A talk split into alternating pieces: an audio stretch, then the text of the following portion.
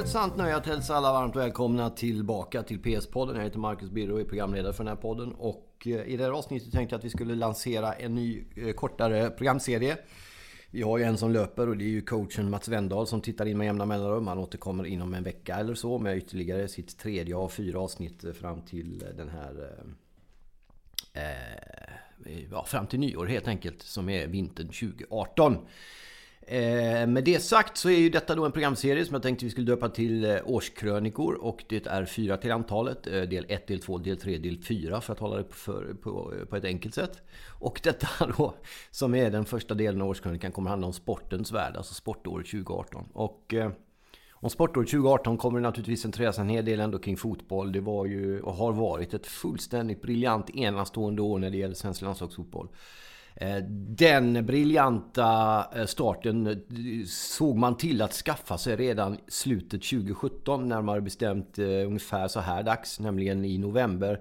2017 så slog man ju ut Italien under två uppmärksammade kvalmatcher. Man vann med 1-0 eh, hemma på Friends i, Ros på i Solna i Sverige och sen så åkte man till Milano och krigade sig till 0-0.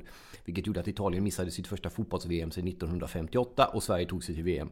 Fullständigt rättmätigt och rättvist. Och då tycker jag det är intressant att påpeka redan här och nu att italienarna trots och när på grund av kanske att de fick slicka sina sår och kräla tillbaka till någon form av grotta som man har lämnat i något storhetsvansinne och fick börja rannsaka sig själv. Också eh, hade den stora eh, nåden närmast att kunna erkänna att Sverige att det här var då miraklet i Milano som man talar om i Sverige och eh, det kan man naturligtvis tycka och tänka en hel del om. Och delvis var det naturligtvis en överraskning. Sverige var ju liksom lägre rankad än Italien. Italien är en stor nation och sådär. Men det jag skulle komma till är att de italienska tidningarna redan dagen efter, åtminstone två dagar efter, jag var kvar i Italien några dagar efter den där matchen i Milano. Jag var på plats och såg den så kan jag konstatera att de eh, klokt nog insåg att Sverige är ett mycket bättre landslag än vad både Sverige och resten av världen tror. Och det här laget kommer att eh, skrälla i VM om ni inte ser upp, för det är ett bra lag.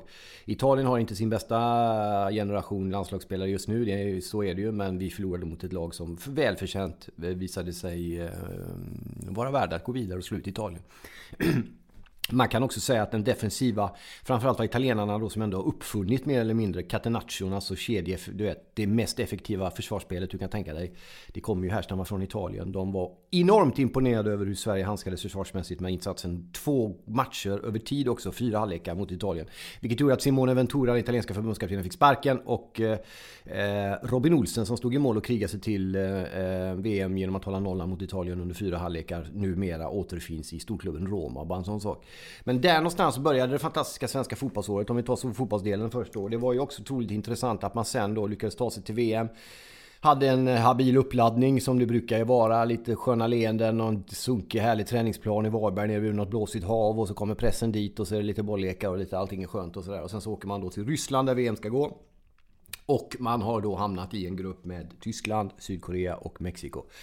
En eh, medelsvår grupp får man nog säga, med betoning på svår trots allt. Hyfsat. Eh, Mexiko som alltid nästan brukar ta sig till åttondelsfinalerna i VM när de är med.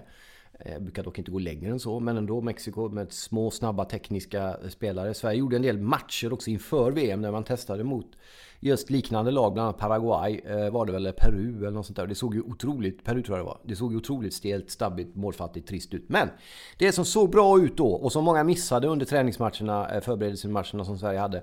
Det var ju just eh, försvarsspelet, att man satte det. Men det var väldigt mycket medialt fokus på att de inte gjorde mål och att det såg målfattigt ut och sådär. Ta lite klunk kaffe på det. Men lite kanel för att få upp lite sån skön årskrönikestämning, det gillar man ju.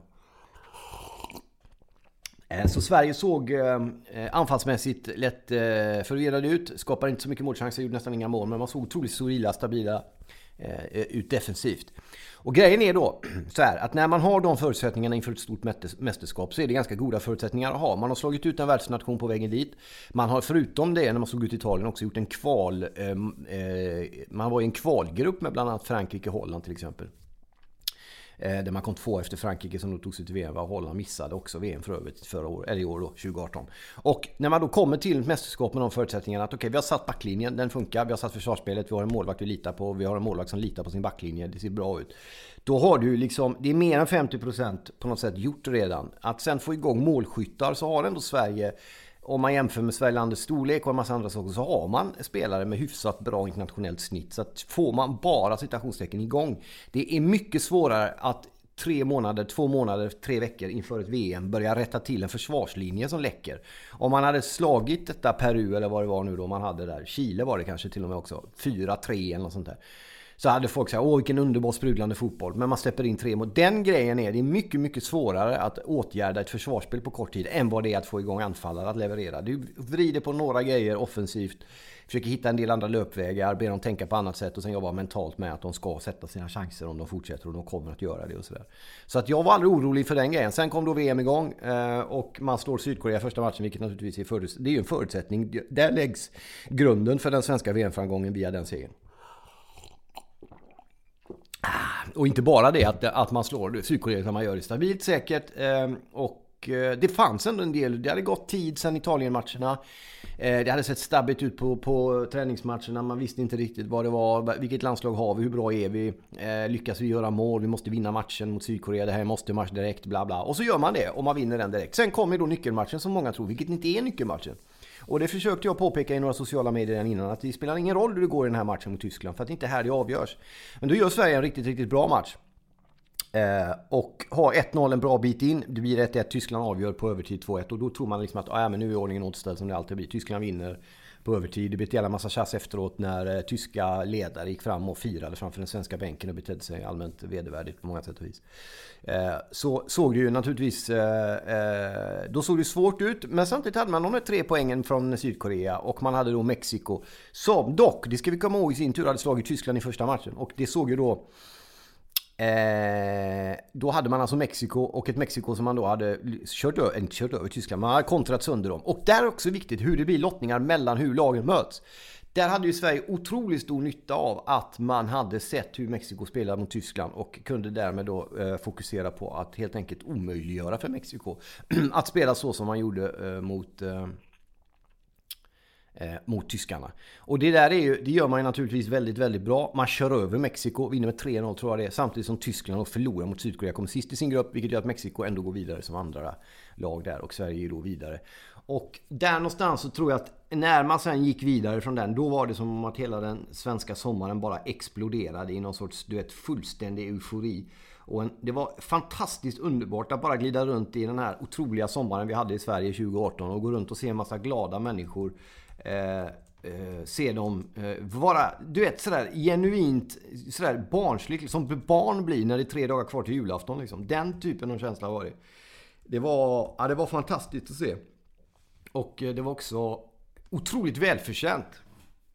Vi ska komma ihåg att Jan Andersson alltså Eh, ledde IFK Norrköping till guld 2015. Blev sen då landslagskapten. Zlatan slutar. Och utanför Sveriges gränser ska vi säga så har ju svensk fotboll varit synonymt med Zlatan Ibrahimovic. Det har liksom inte varit någon... Eh, det har inte funnits någon annan egentligen sen Gunnar Gren, Thomas Nordahl, eh, eller Gunnar Nordahl eh, och eh, Gunnar Grens dagar. Som har varit i närheten av den stjärnstatus som Zlatan har haft. Och det, naturligtvis var det ju så att när han slutade så tänkte många ute i Europa att eh, där dör det landslaget. Det är liksom Ryan Giggs och, och, och, Wales liksom. Men det går att bygga ett kollektiv, det går att bygga ett land. Och här är ju liksom Sveriges... Det här har ju Sverige varit bra på under många, långa, långa, många år. Eh, man har varit bra på att bygga kollektiv, man har varit bra på att bygga landslag som i sig själva spelare för spelare är sämre än vad landslaget som helhet sen blir. Och det där är en matematisk som ni finansgubbar och kärringar kan sitta och räkna ut bäst ni vill. För den går inte ihop, men det är precis så det nämligen går till. Att det är mycket intressant att du går alltså att få ett landslag som kollektivt betraktat är bättre än varje spelare är var för sig. Och därför kan då ett citationstecken sämre landslag gå långt Eh, i ett VM. Eh, trots att man möter lag som har större spelare. Argentina kan vi ta som hade Messi och en väldig massa välbetalda superstjärnor. Och som imploderade fullständigt under sommaren och var ett, VM, var ett, var ett, eh, ett landslag i totalt förfall. Och det är flera utav de där som man kan säga det om. Spanien var ett annat, ett annat exempel där varje spelare fortfarande trots alla framgångar de haft tappat hungern och därmed också tappat som kollektiv betraktat. Sverige tar sig till åttondel, möter Schweiz. Det här är nog någonstans Jan Anderssons crescendo som förbundskapten i fotboll fortfarande. Ska säga det att Schweiz var ju en väldigt bra lottning om man nu ska möta ett lag i åttondelsfinal. Men eh, eh hur som helst, man får Schweiz. De är ju mycket bättre nu än vad de har varit. Sverige gör 1-0, vinner 1-0. Och det här är på något sätt liksom examensarbetet för Janne Anderssons sätt att spela fotboll. Här får han liksom sitt diplom efter att ha gått ut. Här står han i sin löjliga lilla fransiga hatt längst fram och håller ett litet tal. Efter att ha berättat det var det här jag ville med det här landslaget. Det är så här vi ville spela. Det är så här vi måste spela om vi vill vinna, om vi vill gå långt i turneringar. Vi är ett land med 9 miljoner, 10 snart kanske, miljoner invånare. Vi är ett litet fotbollsland. Vi, har en, vi bor uppe vid Nordpolen för fan. Det är kallt dygnet runt, året om. Vi har gräsmattor som inte är av gräs utan av plast där de flesta spelar numera. Vi försöker hålla det igång och vi är alltså ett landslag som tar oss vidare från en grupp med Tyskland, Sydkorea, Mexiko. Vi vinner den gruppen. Vi får Schweiz. Vi vinner mot Schweiz och vi tar oss alltså till kvartsfinal. Och är bland de bästa lagen i hela världen på att spela fotboll. Och någonstans här, och, och det var också kul eftersom jag följer den italienska pressen, så är de inne på den linjen. De var det redan när de skickade ut Italien under VM-kvalet, de här playoff-matcherna. Men man är det också under hur VM har gått då. Eh, väldigt, väldigt fascinerade över det här Sverige och det lilla eh, märkliga iskalla landet uppe i norr som borde möjligen vara bra på att spela hockey, åka skidor och skridskor och bandy och innebandy och vad det nu är vi håller på med. Men just fotboll som är liksom deras domän, deras vardagsrum, deras heliga plats på jorden. Där kommer då Sverige att stöka till och ta sig hela vägen till en kvartsfinal. Där man inte räcker till riktigt mot ett eh, ett eh, England som dessförinnan hade gått vidare på straffar, vilket var första gången sedan Hedenhös, vilket de var väl värda. Men den 18 juli då i år så, eh, eller förlåt 7 juli ska jag säga i år, så möter England Sverige, vinner 2-0, inte så mycket att snacka om. Det blev lite för stort, lite för mycket. Eh, men man är alltså då fortfarande så att man alltså har tagit sig till en kvartsfinal i VM och där blir man då utslagen. Sen ska vi säga det att England som slog ut Sverige blev ju sedermera då bland de fyra bästa lagen där till semifinal. Eh, och hamnade ju då fyra utav de lagen. Eh, men Sverige är alltså bland de sex bästa lagen i hela världen och det är fantastiskt. Sen är det ju så också, det här blir ju mer fotboll än sportår, men ni fattar vad jag menar ändå. Som jag tycker har varit väldigt intressant att följa när det gäller fotbollen. För det handlar ju om att många av de här länderna som lyckades lite över förväntan, Ryssland var ett annat sånt lag, eh, Kroatien, eh, kommer att få lite backlash eh, efter VM. Frankrike vann VM, fick stryk bara för några veckor sedan mot Holland som inte gick till VM. Det kommer ofta en reaktion efter ett VM. Det gjorde det för Sverige också. Då hade man som tur var kan man säga en del träningsmatcher där, där det inte spelade så stor roll hur det gick. Eh, och sen fick man stryk lite snöpligt hemma mot Turkiet 3-2. Man hade ledningen länge 2-1, förlorade 3-2. Eh, sen krigar man sig till. Det här är intressant för att sen är året lackar mot sitt slut. Man har gjort ett fantastiskt år.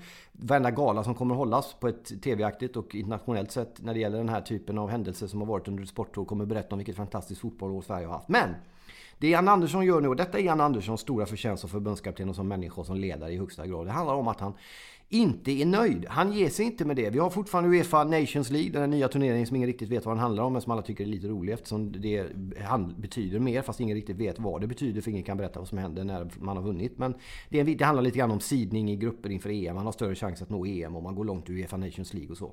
Och med då tre matcher kvar så ligger Sverige illa till. Man kan åka ur den här gruppen man är i, man kan åka ner, bli en sämre sida till nästa års Uefa Nations League. Inte få någon bonuschans när det gäller att ta sig till EM, som är nästa stora internationella fotbollsuppgift för landslaget landslagen, nämligen 2020. Så då gör man så här att man åker till Ryssland, ett Ryssland som överraskade många, gick väldigt långt i VM, höll på att gå extremt långt och åkte ut på straffar där sent i VM. Eh, kriga sig till 0-0 där. Eh, också en klassisk Jan Andersson-match. Hade Italien spelat sån match hade folk sagt fan vad tråkiga de är. Men nu är det Sverige som är 0 och alla är nöjda. Det är som vanligt. Men det är så det Sen är det 0-0 där. Sen har man ju då eh, och vinner eh, mot Turkiet borta. Också en nyckelmatch i i Nations League alldeles nyligen. Eh, också en så kallad Jan Andersson-match. Man spelar 1-0 borta. Backar hem, täcker, gör det man kan jävligt bra. Nämligen spela otroligt fin defensiv fotboll. Eh, I första halvlek. Flyttar sen upp positionerna något i andra, vilket gör att Turkiet inte riktigt är med på det. De tror att Sverige ska spela som de har gjort, de kommer slå vakt om 0-0 och bla bla. Men man flyttar upp positionerna, krigar sig till. Marcus Berg fälls, får straff som eh, vår vän från Helsingborg, Granqvist, kan kliva in och dunka in den straffen. Eh, och det där tycker jag också är otroligt intressant. Det är alltså en kille som spelat i Superettan under hela hösten som stänker in den här. Eh, och gör då 1-0 för Sverige. Och sen så, men då är det fortfarande fruktansvärt mycket tid kvar. Och möta Turkiet borta, leda med 1-0 med Turkiet som forcerar, det är inte det lättaste. Det är otroligt tryck, det är otrolig stämning, det är mycket sånt. Eh, och man lyckas göra det på ett Jan Andersson-aktigt sätt. Så stänger man den matchen, vinner 1-0 och får därmed då Eh, eh, en så kallad hel gruppmatch, eller gruppfinal ska jag säga, mot Ryssland. Och eh, vinner den betryggande säkert klockan 2-0 häromdagen på Friends Arena då för några veckor sedan där möjligen. Och det är ju fantastiskt och då är man alltså första, då vinner man hela Uefa Nations League. Vilket gör att återigen när jag läste italiensk press, för jag älskar att läsa om svensk landslagsfotboll utomlands när man är ute i Italien. Och hur mycket man hyllar det här svenska landslaget. Och Ehm, det ska man naturligtvis göra. För över hela det här året, med start november förra året och så nu hela vägen in i november 18 så har man varit ett utav världens 6-7 bästa fotbollsländer. Man bevisade det under VM i somras i Ryssland och man har bevisat det efter att ha hamnat lite, lite grann efter under upptakten efter VM så har man visat igen. Vinner sin grupp före lag då som Ryssland, Turkiet och kommer därmed få vissa fördelar i, eh, i möjligheten att ta sig till EM 2020 som då är den nästa stora eh, internationella fotbollshändelser för landslag. Fantastiskt stort! Det, det, är bara att lyfta på alla hattar. Jag är så sjukt imponerad av det här svenska landslaget. Jag är imponerad av Jan Andersson och jag tycker att det är så otroligt glädjande att se ett sånt landslag som det svenska som förlorar sin kanske största stjärna man har haft på över 50 år, kanske någonsin. Eh, den stora förgrundsfiguren, ledstjärnan, superstjärnan, målskytten, idolen, förebilden, hjälten, allt vad ni vill. Han är inte med och då kliver kollektivet fram och levererar under det här året. Det har varit alldeles sagolikt att följa. Fantastiskt på alla sätt och vis. Eh, annan fotboll, AIK vinner SM-guld och det stod ju tydligt och klart ganska tidigt. Sen blev det spännande på slutet ändå. Eh, och det tycker jag är intressant. Det var Alexander Axén i Simor som sa att AIK förlorar en match på hela, turné, eller hela, hela säsongen. Heter det. Och ändå så blev det avgörande hela vägen in i sista omgången. Vilket också betyder att IFK Norrköping som var det laget som till slut jagade AIK gjorde en otrolig jävla säsong. Eh, och att AIK kryssade lite för mycket på slutet medan Norrköping då vann och nästan kom ikapp. Men AIK vinner med två poäng och är väl värda eh, och välförtjänta seriesegrare i, eh, i Sverige. Inte så mycket att snacka om. Andra intressanta händelser i fotbollsvärlden har varit Cristiano Ronaldo som lämnade Real Madrid för att gå till Juventus. Och när det gäller Serie A och italiensk fotboll som ligger mig varmt om hjärtat så är det fantastiskt att få en av världens bästa spelare dit. Han har sociala konton som är större, bara hans egna, än hela Real Madrids samlade sociala konton. Då fattar ni vilken medial och PR-mässig vilket lyft det är för Serie A italiensk fotboll att en sån otroligt stor spelare går dit. Inte så mycket att snacka om. Fantastiskt fin på alla sätt och vis. Eh, har ju också varit väldigt bra. Hade några sköna säsonger. Han gick ju in i första matchen på Bentegård och mötte Kievo, de flygande åsnorna. Och då kunde man tänka så här, vad fan är det? Jag har bytt land, jag har bytt lag. Jag kommer till Juventus, det kan jag en del om. Men jag har mött dem en stora matcher med Real, du vet, i Champions League. Ja, du kommer till Serie A Italien. Välkommen hit. Det regnar, det är september, det är inte sådär superskönt. Vi ska åka till Bentegård, en stor jävla albansk sån jättegryta i Verona och möta de flygande åsnorna från Kievo. Det blev Cristiano Ronaldos första match i Italien och då såg det lite halvstabbigt ut. Sen gick det några omgångar men nu har han kommit igång och börjat ösa i mål och så. Juventus leder ligan som vanligt efter några poäng. En annan intressant sak som har koppling till landslaget i svenska är ju naturligtvis Robin Olsen Roma då som eh, som jag har gjort det otroligt bra i Roma. Han gick ju från Köpenhamn efter det här fantastiska VMet med, med landslaget och har gått dit och gjort det väldigt, väldigt bra. Han har vuxit in i rollen, är nu given första målvakt och blir bättre match för match och kommer att växa in otroligt i, under den här säsongen innan det här är klart stor, stor glädje att se Robin Olsen spela fotboll eh, i Roma. Och underbart kul med en svensk som får en framträdande nyckelroll. Nu i dagarna ryktas det också mycket om att Zlatan Ibrahimovic är på väg till Milano igen, till, till Italien och till eh, Milan igen. Eh, möjligen då på ett lån bara begränsat till sex månaders tid. Köra stenhårt fram till midsommar eller något sånt där. Eller till ligan är slut från start i januari in i eh, juni blir det väl slutet av maj någon gång. Eh, och det vore ju fantastiskt kul tror jag. Dels för honom själv att komma till en riktig liga och lämna det här pajaslandet. Det är inget fel på USA men fotbollsmässigt är det inget roligt. Så att han kan komma tillbaks och leverera på absolut högsta nivå i en stad som han älskar, i ett land han älskar och i en stad i ett land som också älskar honom till viss del. Så jag tror att det är helt rätt val för honom naturligtvis. Nu är jag ju part i målet eftersom jag jag vill att alla bra spelare ska komma till Serie A. Men jag tror det är nyttigt. Han var en otroligt bra ambassadör för Sverige när han var i Italien och han var en otroligt bra ambassadör för Italien i Sverige när han var proffs där under tiden i Juventus, sen i Inter och sen i Milan. Eh, och han har själv sagt att det är den lyckligaste tiden och den enda gången som han eh, eh, har han själv sagt flera gånger, redan när det hände och nu nyligen i en ny bok. Att den enda gången han har blivit såld och inte köpt av en annan klubb som han uttrycker det, det var när han gick från Milan till Paris Saint-Germain 2013 eller vad det var. Eh, då var det ju... Han ville vara kvar i Milan men de ville göra sig av med honom och därför tvingades han gå till Paris. Det gick ju väldigt bra i Paris. Han var skytteligan och vann ligan och allt sånt där. Där, det vet ni. Men eh, så var det och det berättar lite grann om vilken otrolig kärlek han har till Italien och till Milano. Så det hoppas vi på. Eh, annars så ser vi fram emot nästa år mycket mer fotboll. Vi har ju en del sköna sådana U21-grejer som drar igång nästa år också. Eh, och vi har ju en massa annat spännande fint som händer. Eh, hoppas att ni fick några sköna vibbar från VM-sommaren som har gått. Eh, stort tack till eh, Dagens PS som är med och roddar i detta. Eh, och sköter teknik och klipper och klistrar och fint och så. Tack så jättemycket. Så hörs vi eh, strax igen. Nästa gång tror jag det blir Mats Wendahl och sen så har vi då tre avsnitt till när det gäller årskrönikor. Vi kommer gå igenom bland annat näringsliv, politik och media tror jag de tre andra blir. Så vi hörs igen och så tackar jag så mycket för uppmärksamheten så länge.